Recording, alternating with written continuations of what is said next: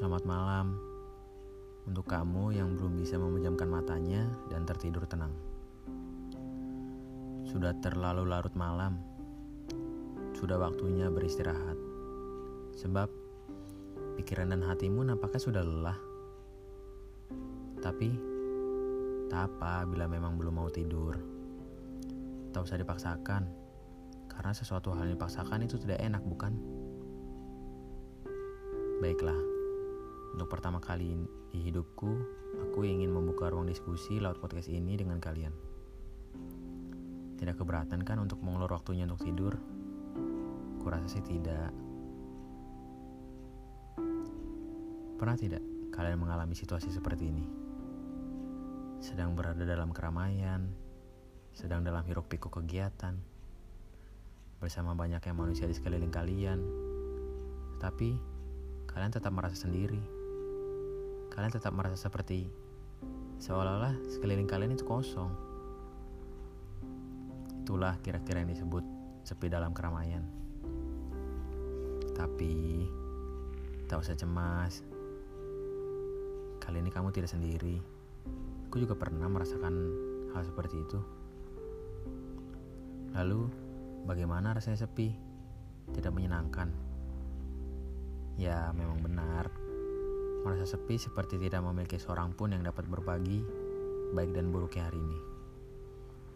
Tidak memiliki seseorang yang dapat disebut sebagai rumah.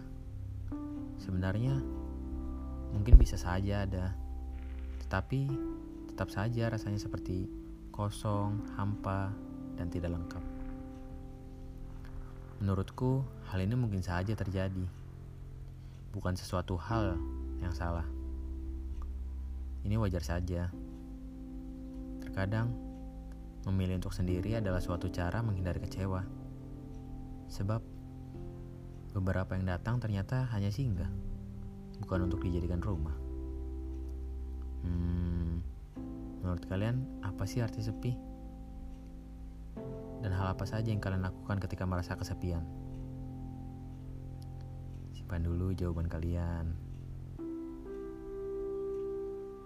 Sebenarnya, sepi bukan hanya perihal sendiri. Ada hal yang sering kita lupa, yaitu perihal pikiran kita.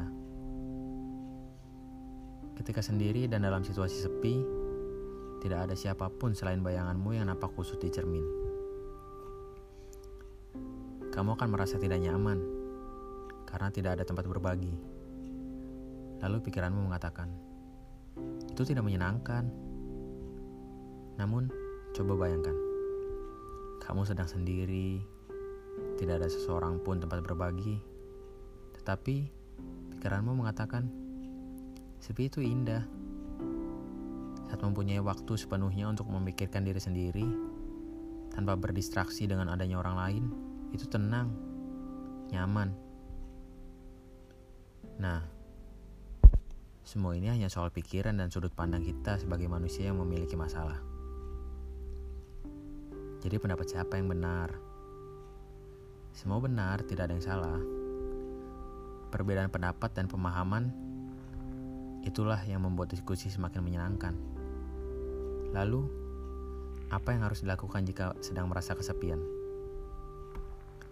Sebagian dari kalian pasti akan memilih bercengkrama dengan teman atau sahabat 4-5 orang. Sambil menikmati kopi diselingi obrolan ringan dan hangat, hingga lupa bahwa sebelumnya kau merasa kesepian. Atau mungkin sebagian dari kalian memilih menghabiskan waktu dengan seorang kekasih. Berbagi cerita di atas motor, mengelus lutut pada saat lampu merah, hingga panggilan untuk pulang menghentikan obrolan. Terkadang, ketika merasa kesepian, kita hanya perlu menarik nafas dan melihat dunia luar.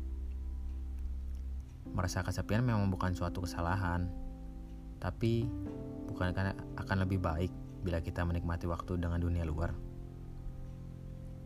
Rasanya akan sia-sia ketika kita sedang merasa sepi lalu hanya merenung dan mendumel.